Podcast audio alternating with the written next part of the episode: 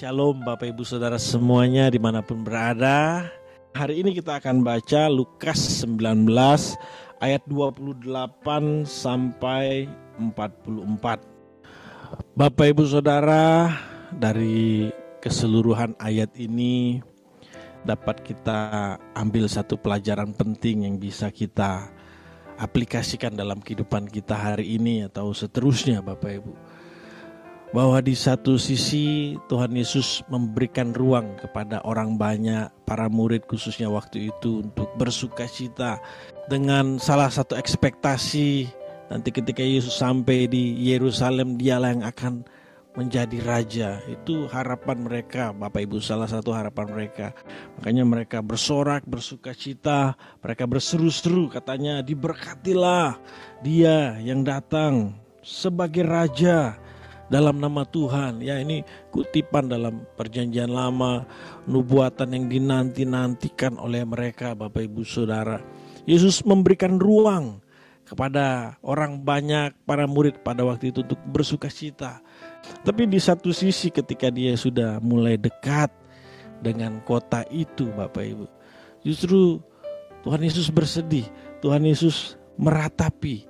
Ya, dia berkata Bapak Ibu, "Wahai Betapa baiknya jika pada hari ini engkau mengerti apa yang perlu untuk damai sejahteramu. Tetapi sekarang hal itu tersembunyi bagi matamu. Jadi tidak bisa dipungkiri Bapak Ibu Saudara ya, fakta kenyataan ini. Di satu sisi orang terlihat rohani, terlihat memuji Tuhan, ya, terlihat bersuka cita. Tapi di sisi yang lain ternyata ada selubung yang menutupi mata rohaninya. Seperti mereka pada waktu itu Bapak Ibu. Ya kalau konteks waktu itu tentu saja Tuhan Yesus ingin agar mereka ini mengerti dalam pikiran mereka rancangan Tuhan yang sebenarnya. Aku bukan raja saat ini atau di Yerusalem yang cuman kata orang timur cuma sapanggal ini Bapak Ibu. Pemerintahanku bukan di sini. Coba kamu bisa mengerti itu. Kalau mereka mengerti waktu itu damai Bapak Ibu mereka. Itulah damai yang sesungguhnya yang Tuhan akan berikan pada mereka. Dan ini terbukti kan. Setelah Yesus mati naik ke surga, akhirnya mereka mulai mengerti. Ya, walaupun mereka ditindas sengsara, ya, dikejar-kejar untuk dibunuh tapi damai itu benar-benar mereka rasakan alami, mereka terima. Tidak ada seorang pun pengikut Yesus Alkitab mencatat mati dalam keadaan ketakutan. Bahkan hari ini kalau kita bisa menyaksikan di daerah-daerah tertentu di mana orang Kristen dibunuh, nggak ada mati yang ketakutan, mati dengan penuh keberanian, dengan penuh damai, sukacita. Sebab apa? Akhirnya sudah mengerti, Bapak Ibu Saudara, sudah mengerti mana yang mendatangkan kebaikan, damai bagimu.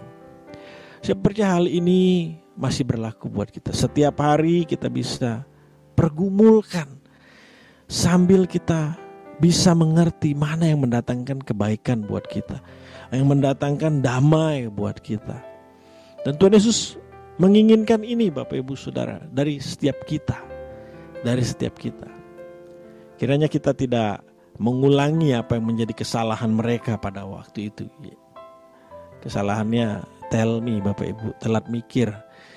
Ya, telat ngerti Ya, kalau hari ini kita jangan sampai tell me telat ngerti.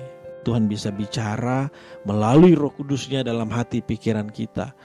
Apa yang jadi keinginan Tuhan yang mendatangkan damai sebenarnya buat kita. Kebaikan sejahtera buat kita. Saya percaya ketika kita pergumulkan itu Bapak Ibu. Tuhan Yesus di kerajaan sorga di sana. Oh dia pasti singkapkan Bapak Ibu.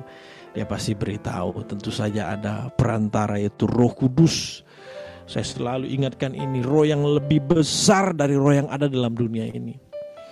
Itulah yang memimpin, membimbing kita. Dan kalau kita dengar suara Tuhan ini datangkan damai, kebaikan buat kita Bapak Ibu. Amin. Demikian renungan singkat pada hari ini. Tuhan Yesus mengasihi kita semua. Shalom.